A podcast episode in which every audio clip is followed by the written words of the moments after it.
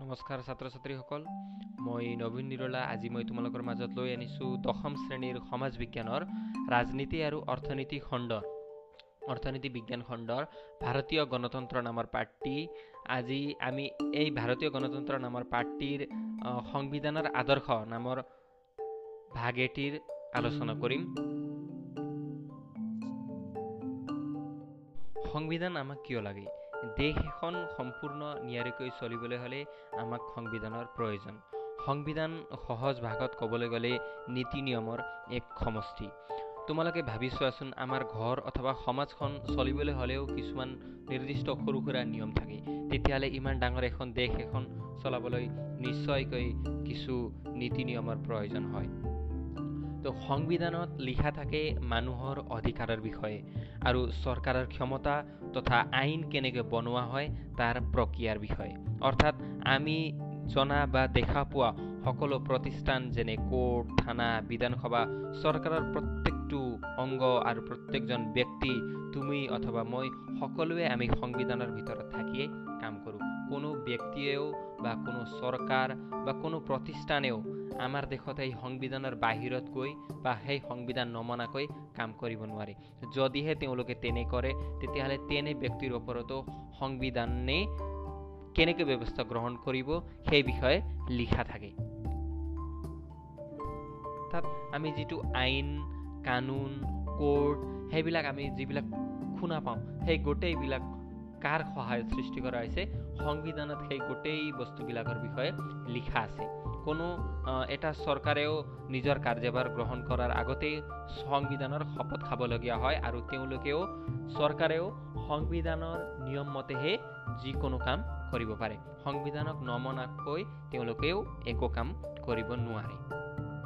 আগৰ দিনত ৰজা মহাৰাজাসকলে যেতিয়া শাসন কৰিছিল যেতিয়া ভাৰত এখন সৰু সৰু ৰাজ্যত বিভক্ত হৈ আছিলে তেতিয়াৰ দিনতো ৰজা মহাৰাজাসকলে আজিৰ নিচিনা সংবিধান নাথাকিলেও তেতিয়াৰ দিনত থকা মনুস্মৃতি বা কৌটিল্যৰ অৰ্থশাস্ত্ৰ নামৰ এই দুখন গ্ৰন্থসমূহক লৈ পেলাইহে প্ৰায়ে নিজৰ শাসন কৰিছিল। কিন্তু যেতিয়া ব্ৰিটিছসকল আহিল ব্ৰিটিছসকল অহাৰ পিছৰে পৰা আমাৰ আজি যিটো সংবিধান আমি দেখা পাইছোঁ এই আধুনিক সংবিধানৰ এটি ভেটি গঢ়ি তুলিছিল বুলি আমি ক'ব পাৰোঁ। চবেই জানো যে ব্ৰিটিছসকলে আমাৰ দেশত প্ৰথমতে বেপাৰ কৰিবলৈ আহিছিল। কিন্তু কালক্ৰমত তেওঁলোকে কি হ'ল আমাৰ ইয়াতে শাসন কৰিবলৈ আৰম্ভ কৰিলে। সোতৰশ চৌষষ্ঠি চনত বক্সাৰ নামৰ ঠাইত এটা যুদ্ধ হৈছিলে আৰু সেই যুদ্ধত ইংৰাজসকল জয়ী হৈছিল। সেই যুদ্ধত জয় হোৱাৰ পিছৰে পৰা আচলতে তেওঁলোকে আমাৰ দেশত শাসন আৰম্ভ কৰিছে বুলি আমি ক'ব পাৰোঁ। তো যেতিয়া তেওঁলোকে শাসন আৰম্ভ কৰিছিল তেতিয়া তেওঁলোকৰ হৈ পেলাই ব্ৰিটিছ ইষ্ট ইণ্ডিয়া কোম্পানী নামৰ এটা কোম্পানীহে আচলতে ইয়াতে শাসন কৰিছিল।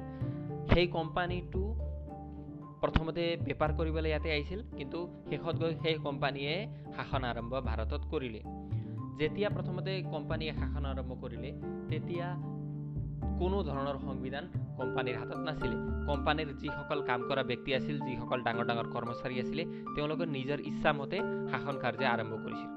তো যেতিয়া তেওঁলোকে নিজৰ ইচ্ছামতে শাসন কাৰ্য আৰম্ভ কৰিব ধৰিলে তেওঁলোকে যধে মধে টকা ঘটিবলৈ আৰম্ভ কৰিলে। তেওঁলোকে যধে মধে টকা ঘটি পেলাই ধনী হ'ব ধৰিলে আৰু নিজৰ দেশত গৈ পেলাই ইংলেণ্ডত গৈ পেলাই গৈ পেলাই আৰ্যবন্ত জীৱন যাপন কৰিব ধৰিলে।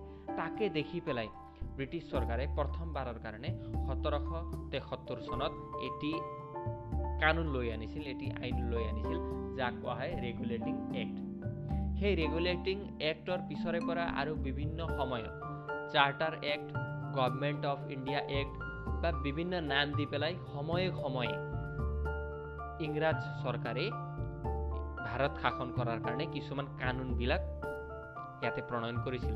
সেই কানুনবিলাকে শেষত গৈ পেলাই ভাৰতৰ সংবিধান বনোৱাৰ এটি ভেটি গঢ়ি তুলিছিল। সেই সেই ভেটিটো লৈ পেলাইহে আমাৰ সংবিধান তৈয়াৰ কৰা হৈছে বুলি আমি ক'ব পাৰোঁ। বাৰু সেই বিষয়ে আমি এতিয়া নাযাওঁ।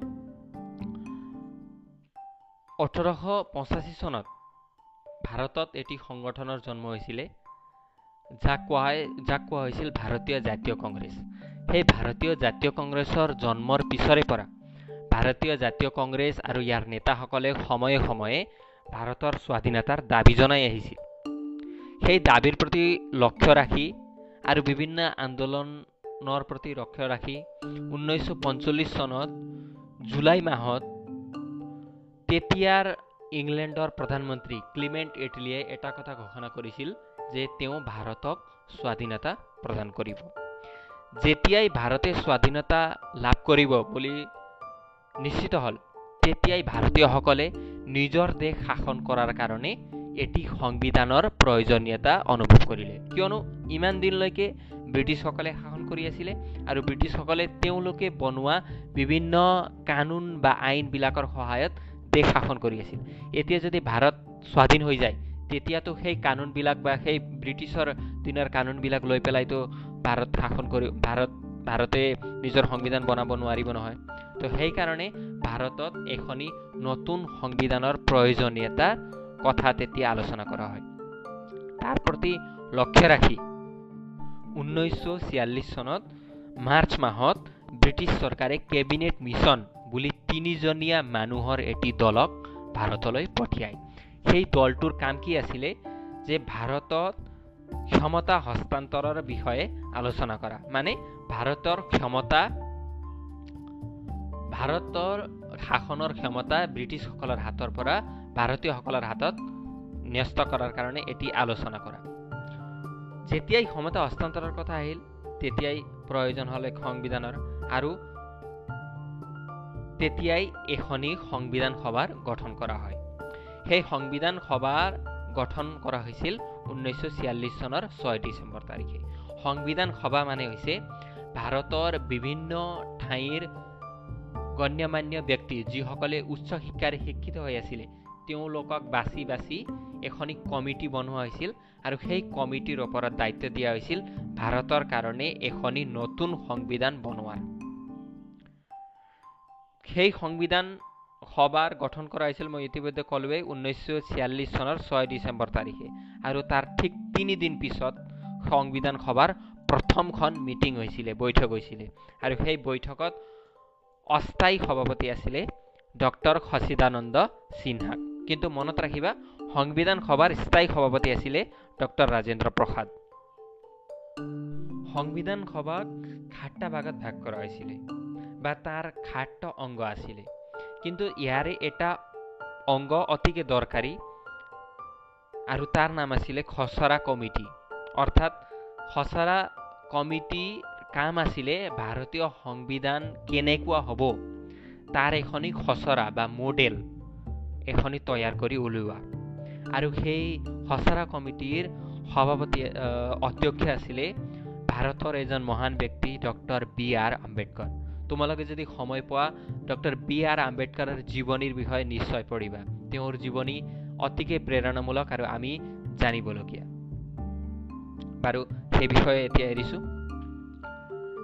যেতিয়া ঊনৈছশ ছিয়াল্লিছ চনত সংবিধান সভা গঠন কৰা হয়, তাৰ তিনি বছৰ পিছত, অৰ্থাৎ ঊনৈছশ ঊনপঞ্চাছ চনৰ ছাব্বিছ নৱেম্বৰ তাৰিখে সংবিধান, সংবিধানৰ খচৰা কমিটিয়ে সংবিধান সভাক সংবিধানৰ এটি খচৰা তৈয়াৰ কৰি দিয়ে। আৰু সেই খচৰাক যেতিয়া সংবিধান সভাৰ স্থায়ী সভাপতি ডক্টৰ ৰাজেন্দ্ৰ প্ৰসাদে চহী কৰে, তেতিয়াৰে পৰা সেইটো খচৰাই ভাৰতৰ আচল সংবিধান হ'ব বুলি চবে মানি লয়, অৰ্থাৎ গণ্য কৰা হয়। কিন্তু মনত ৰাখিবা, ঊনৈছশ ঊনপঞ্চাছ চনৰ ছাব্বিছ নৱেম্বৰ তাৰিখে ৰাজেন্দ্ৰ প্ৰসাদে সেই সংবিধানত চহী কৰিছিল যদিও সেই সংবিধান ভাৰতত লাগু কৰা হৈছিলে ঊনৈছশ পঞ্চাছ চনৰ ছাব্বিছ জানুৱাৰী তাৰিখ হয় তাৰিখৰ দিনাহে। এটা কথা জনাটো অতিকে দৰকাৰী যে ভাৰতীয়ৰ সংবিধান গঠন কৰোঁতে তিনি বছৰ সময় লৈছিলে আৰু সেই সুদীৰ্ঘ তিনি বছৰ কালত ভাৰতৰ সংবিধান বনোৱাৰ কাৰণে খচৰা কমিটিয়ে সেই সময়ৰ বিশ্বৰ বিভিন্ন দেশসমূহৰ সংবিধানসমূহ আলোচনা কৰিছিল পঢ়িছিল অধ্যয়ন কৰিছিল আৰু তাৰ পৰা যিখিনি দৰকাৰী দৰকাৰী কথা যিখিনি ভাল ভাল কথা আছিলে সেইখিনি আমাৰ দেশৰ সংবিধানতো সন্নিৱিষ্ট কৰা হৈছিল। ইয়াৰ কাৰণে আমাৰ দেশৰ সংবিধানখন দীৰ্ঘতম পৃথিৱীৰ দীৰ্ঘতম দীৰ্ঘতম সংবিধান বুলি গণ্য কৰা হয়। বা পৃথিৱীৰ দীৰ্ঘতম সংবিধানেই হৈছে আমাৰ দেশৰ সংবিধান। আৰু আমাৰ দেশৰ সংবিধান উত্তম অতি উত্তম। আমাৰ দেশৰ সংবিধানৰ নিচিনা প্ৰত্যেকটো কথা ভালকৈ আলোচনা কৰা কোনো বেলেগ সংবিধান নাই। কিয়? আমাৰ দেশৰ সংবিধান যেতিয়া বনোৱা হৈছিলে তেতিয়া তিনি বছৰ কাললৈকে সেই সংবিধান সভাখনত বিভিন্ন কথাৰ ওপৰত আলোচনা বিলোচনা কৰা হৈছিল। যিখিনি লাগতিয়াল কথা সেইসমূহ লাগতিয়াল কথাসমূহ তাতে সন্নিৱিষ্ট কৰা হৈছিল আৰু যিখিনি অলাগতিয়াল কথা বুলি গণ্য কৰা হৈছিলে সেইখিনি কথা সেই সংবিধানৰ পৰা বাদ দিয়া হৈছিলে। সুদীৰ্ঘ তিনি বছৰৰ আলোচনাৰ অন্ততহে আমাৰ দেশে এই সংবিধানখন লাভ কৰিছে। সেইকাৰণে বিশ্বৰ ভিতৰতে আটাইতকৈ ভাল আৰু আটাইতকৈ দীৰ্ঘতম সংবিধান বুলি আমাৰ দেশৰ সংবিধানৰ নাম লোৱা হয়। এতিয়া আহিছোঁ আমাৰ সংবিধানৰ আদৰ্শৰ বিষয়ে। তোমালোকে নিশ্চয় কিতাপ এখনৰ প্ৰথমতে সূচীপত্ৰ বা পাতনি দেখিবলৈ পা পোৱা। সেই সূচীপত্ৰ বা পাতনিখনত লিখা থাকে কিতাপৰ ভিতৰত কি কি আছে। ঠিক সেইদৰে আমাৰ সংবিধানৰ আৰম্ভণিতেও এটি প্ৰস্তাৱনা আছে। প্ৰস্তাৱনাক আমাৰ দেশৰ সংবিধানৰ আত্মা বুলিও কোৱা হয়। আমাৰ দেশৰ সংবিধানৰ প্ৰস্তাৱনা যিটো আছে তাৰ প্ৰতিটো শব্দতে একো একোটা অৰ্থ আছে। আৰু যদি আমি সেই প্ৰস্তাৱনাক যদি আমি ভালকৈ পঢ়োঁ তেতিয়াহ'লে আমাৰ সংবিধানখন কেনেকুৱা? তাৰ বিষয়ে এটা আমাৰ চমু এটা আমাৰ জ্ঞান হৈ যাব। আমাৰ সংবিধানৰ প্ৰস্তাৱনাটো আমি চবেই জানিবলগীয়া অতিকে দৰকাৰী। তোমালোকেও আমাৰ দেশৰ সংবিধানৰ প্ৰস্তাৱনাটো মুখস্থ কৰিব লাগে বা নিজে জানিব লাগে। আমি পলিটিকেল চায়েন্স বা যেতিয়াই আমি ৰাজনীতি বিজ্ঞান পঢ়িবলৈ যাওঁ তেতিয়া এই বিষয়টো আমাৰ কাৰণে অতিকে দৰকাৰী হৈ যায়। আমাৰ সংবিধানৰ প্ৰস্তাৱনাটো মই এবাৰ তোমালোকৰ আগত পঢ়ি শুনাইছোঁ। আমাৰ দেশৰ সংবিধানৰ প্ৰস্তাৱনাত লিখা আছে আমি ভাৰতৰ জনসাধাৰণে ভাৰতবৰ্ষ এখন সাৰ্বভৌম সমাজবাদী ধৰ্মনিৰপেক্ষ গণতান্ত্ৰিক গণৰাজ্য হিচাপে প্ৰতিষ্ঠা কৰিম বুলি দৃঢ় সংকল্প কৰি আৰু ভাৰতবৰ্ষৰ সকলো লোককে সামাজিক অৰ্থনৈতিক ৰাজনৈতিক ন্যায় চিন্তা প্ৰকাশ বিশ্বাস ধৰ্ম আৰু উপাসনাৰ স্বাধীনতা সমমৰ্যাদা আৰু সুযোগ দিম বুলি আৰু তেওঁলোকৰ মাজত ব্যক্তিৰ মৰ্যাদা জাতীয় ঐক্য আৰু সংহতি নিশ্চিতকাৰী ভাতৃত্ববোধ বৃদ্ধি কৰিবলৈ আজি ঊনৈছশ ঊনপঞ্চাছ চনৰ ছাব্বিছ নৱেম্বৰ তাৰিখে আমাৰ সংবিধান সভাই গ্ৰহণ কৰা আৰু লিপিবদ্ধ কৰা এই সংবিধানখন আমি নিজকে অৰ্পণ কৰিলোঁ। এতিয়া চোৱা, আমাৰ প্ৰস্তাৱনাৰ প্ৰথমতে আমি ভাৰতৰ জনসাধাৰণ বুলি লিখা আছে। অৰ্থাৎ, ভাৰতৰ জনসাধাৰণৰ কাৰণেহে এই সংবিধানখন ৰচনা কৰা হৈছে বা গঠন কৰা হৈছে আৰু সংবিধানে পাৱাৰ বা ক্ষমতা কৰ পৰা পাইছে? ভাৰতৰ জনসাধাৰণৰ পৰা। অৰ্থাৎ, ভাৰতৰ কাৰণে, ভাৰতৰ জনসাধাৰণে আচল শাসনকৰ্তা ইয়াৰ উপৰিও আৰু কিছুমান শব্দবিলাক আছে যেনেকৈ সাৰ্বভৌম। সাৰ্বভৌম শব্দ প্ৰস্তাৱনাত যিটো সাৰ্বভৌম শব্দ আছে সেই শব্দৰ অৰ্থ এইটোৱেই যে ভাৰত হৈছে সৰ্বোচ্চ শক্তি। মানে ভাৰত বেলেগ কোনো দেশৰ তলতীয়া নহয় বা বেলেগ কোনো দেশৰ আণ্ডাৰত ভাৰতে কাম নকৰে আৰু ভাৰতে নিজৰ সিদ্ধান্ত স্বইচ্ছাই নিজে ল'ব পাৰে। কোনো চৰকাৰৰ বা বেলেগ কোনো দেশৰ হিচাত বা বেলেগ কোনো দেশৰ কথাত ভাৰত চৰকাৰে কাম নকৰিব। ইয়াৰ উপৰিও আৰু এটা শব্দ আছে সাৰ্বভৌমৰ পিছতে সমাজবাদী। এতিয়া সমাজবাদ বা সমাজবাদী শব্দৰ অৰ্থটো অতি বিশাল। কিন্তু আমি যদি সহজ ভাষাত ক'বলৈ যাওঁ তেতিয়াহ'লে সমাজবাদ বা সমাজবাদী শব্দৰ অৰ্থ এইটোৱেই যে সমাজত কেতিয়াবা আৰ্থিক সহায়ত আৰ্থিক হিচাপত বা যেনে ধৰি লোৱা টকা পইচাৰ হিচাপত বা জাতি আদিৰ হিচাপত মানুহক বিভিন্ন স্থান দিয়া হয়। যেনেকৈ ধনী গৰীব উচ্চ নিচ বুলি মানুহৰ মাজত এটা পাৰ্থক্য অনা হয়। তো সমাজবাদে কি কৰিব বিচাৰে? যে সেই সমাজত যিখিনি পাৰ্থক্যবিলাক থাকে যেনেকৈ আৰ্থিক হিচাপত ধনী গৰীব পাৰ্থক্য বা সামাজিক হিচাপত উচ্চ নিচ থকা পাৰ্থক্য সেই পাৰ্থক্যবিলাক সমাজবাদে নোহোৱা কৰিব বিচাৰে সমাজৰ পৰা। তো আমাৰ সংবিধানৰ প্ৰস্তাৱনাত সমাজবাদী শব্দই এইটোৱে বুজাইছে যে ভাৰত চৰকাৰে ভাৰত চৰকাৰেও মানুহৰ মাজত থকা এই ধনী গৰীব উচ্চ নিচ বুলি যিটো পাৰ্থক্য আছে সেই পাৰ্থক্য দূৰ কৰিবলৈ চেষ্টা কৰিব আৰু সকলো লোককে আইনৰ চকুত সমান হিচাপে গণ্য কৰিব। আমাৰ প্ৰস্তাৱনাত আৰু এটা শব্দ আছে ধৰ্ম নিৰপেক্ষ ধৰ্ম নিৰপেক্ষ শব্দৰ অৰ্থ এইটোৱেই যে ভাৰতত যিকোনো ধৰ্মৰ ব্যক্তিয়ে থাকিব পাৰিব আৰু নিজৰ ধৰ্মৰ ভগৱানক উপাসনা কৰিব পাৰিব নিজৰ ধৰ্মৰ প্ৰচাৰ কৰিব পাৰিব আৰু নিজৰ ধৰ্মৰ বিষয়ে আলোচনা কৰিব পাৰিব। অৰ্থাৎ ভাৰতৰ কোনো নিজা চৰকাৰী ধৰ্ম নাই। ভাৰত ভাৰতে বসুধৈৱ কুটুম্বকম বুলি যিটো সংস্কৃতত এষাৰি কথা আছে তাৰ সাৰ মৰ্ম হিচাপে লৈ এই ধৰ্মনিৰপেক্ষ শব্দটো নিজৰ প্ৰস্তাৱনত সন্নিৱিষ্ট কৰিছে। মানে গোটেই পৃথিৱীয়েই আমাৰ ঘৰ। অৰ্থাৎ পৃথিৱীৰ যিকোনো ধৰ্মৰ মানুহেই মানুহকে আমি আঁকোৱালি লৈছোঁ আৰু আমি সকলোৱে ইয়াতে আমি ভাৰতবৰ্ষত বাস কৰিছোঁ। ইয়াৰ পিছতে আমি প্ৰস্তাৱনাত দুটা শব্দ পাওঁ গণতান্ত্ৰিক আৰু গণৰাজ্য। গণতান্ত্ৰিক আৰু গণৰাজ্য শব্দৰ অৰ্থ এইটোৱেই যে ভাৰতৰ আচল শাসনকৰ্তা হৈছে ভাৰতৰ নাগৰিক বা ভাৰতৰ লোকসকল। ভোটৰ পৰা তেওঁলোকে নিজৰ নিজৰ প্ৰতিনিধি বাছি ল'ব আৰু সেই প্ৰতিনিধি বাছি লোৱা প্ৰতিনিধিসকলে চৰকাৰ গঠন কৰি দেশ শাসন কৰিব। ভাৰতত কোনো ধৰণৰ ৰজা নাথাকিব আৰু ভাৰতৰ শাসনকৰ্তা যিটো পদ যেনে ৰাষ্ট্ৰপতি হওক বা মুখ্য ৰাষ্ট্ৰপতি নহয় প্ৰধানমন্ত্ৰী হওক বা মুখ্যমন্ত্ৰী হওক তেওঁলোকৰ পদটো বংশানুক্ৰমিক নহয়। অৰ্থাৎ তেওঁলোকৰ পিছত তেওঁলোকৰ পুত্ৰ বা কোনো বংশৰ মানুহে মই মুখ্যমন্ত্ৰী বা প্ৰধানমন্ত্ৰী হ'ম বুলি শাসন কৰিব নোৱাৰিব। ভাৰতৰ যিজন ভাৰতৰ নাগৰিকসকলে যিজন ব্যক্তিক প্ৰতিনিধি হিচাপে পঠাব তেওঁহে ভাৰতৰ শাসনকৰ্তা হিচাপে শাসন কৰিব পাৰিব। অৰ্থাৎ ভাৰতৰ আচল শাসনকৰ্তা কোন? ভাৰতৰ নাগৰিকসকল। তাৰপিছত আমি এষাৰি বাক্য পাওঁ ভাৰতৰ সকলো লোককে সামাজিক অৰ্থনৈতিক আৰু ৰাজনৈতিক ন্যায় বুলি প্ৰস্তাৱনাত লিখা আছে। ইয়াৰ অৰ্থ এইটোৱেই যে ভাৰতৰ প্ৰত্যেকজন লোকে সামাজিকভাৱে ন্যায় পাব অৰ্থাৎ সমাজত প্ৰত্যেকজন লোকৰে এক সমমৰ্যাদা থাকিব। সেইটো আমাৰ সংবিধানে আমাক চবকে দিছে। মানে কি? সমাজত কোনোবা উচ্চ বা কোনোবা নিজ জাতিৰ বুলি মানুহে ভেদাভেদ কৰিব নোৱাৰিব। অৰ্থনৈতিক ক্ষমতা মানে কি?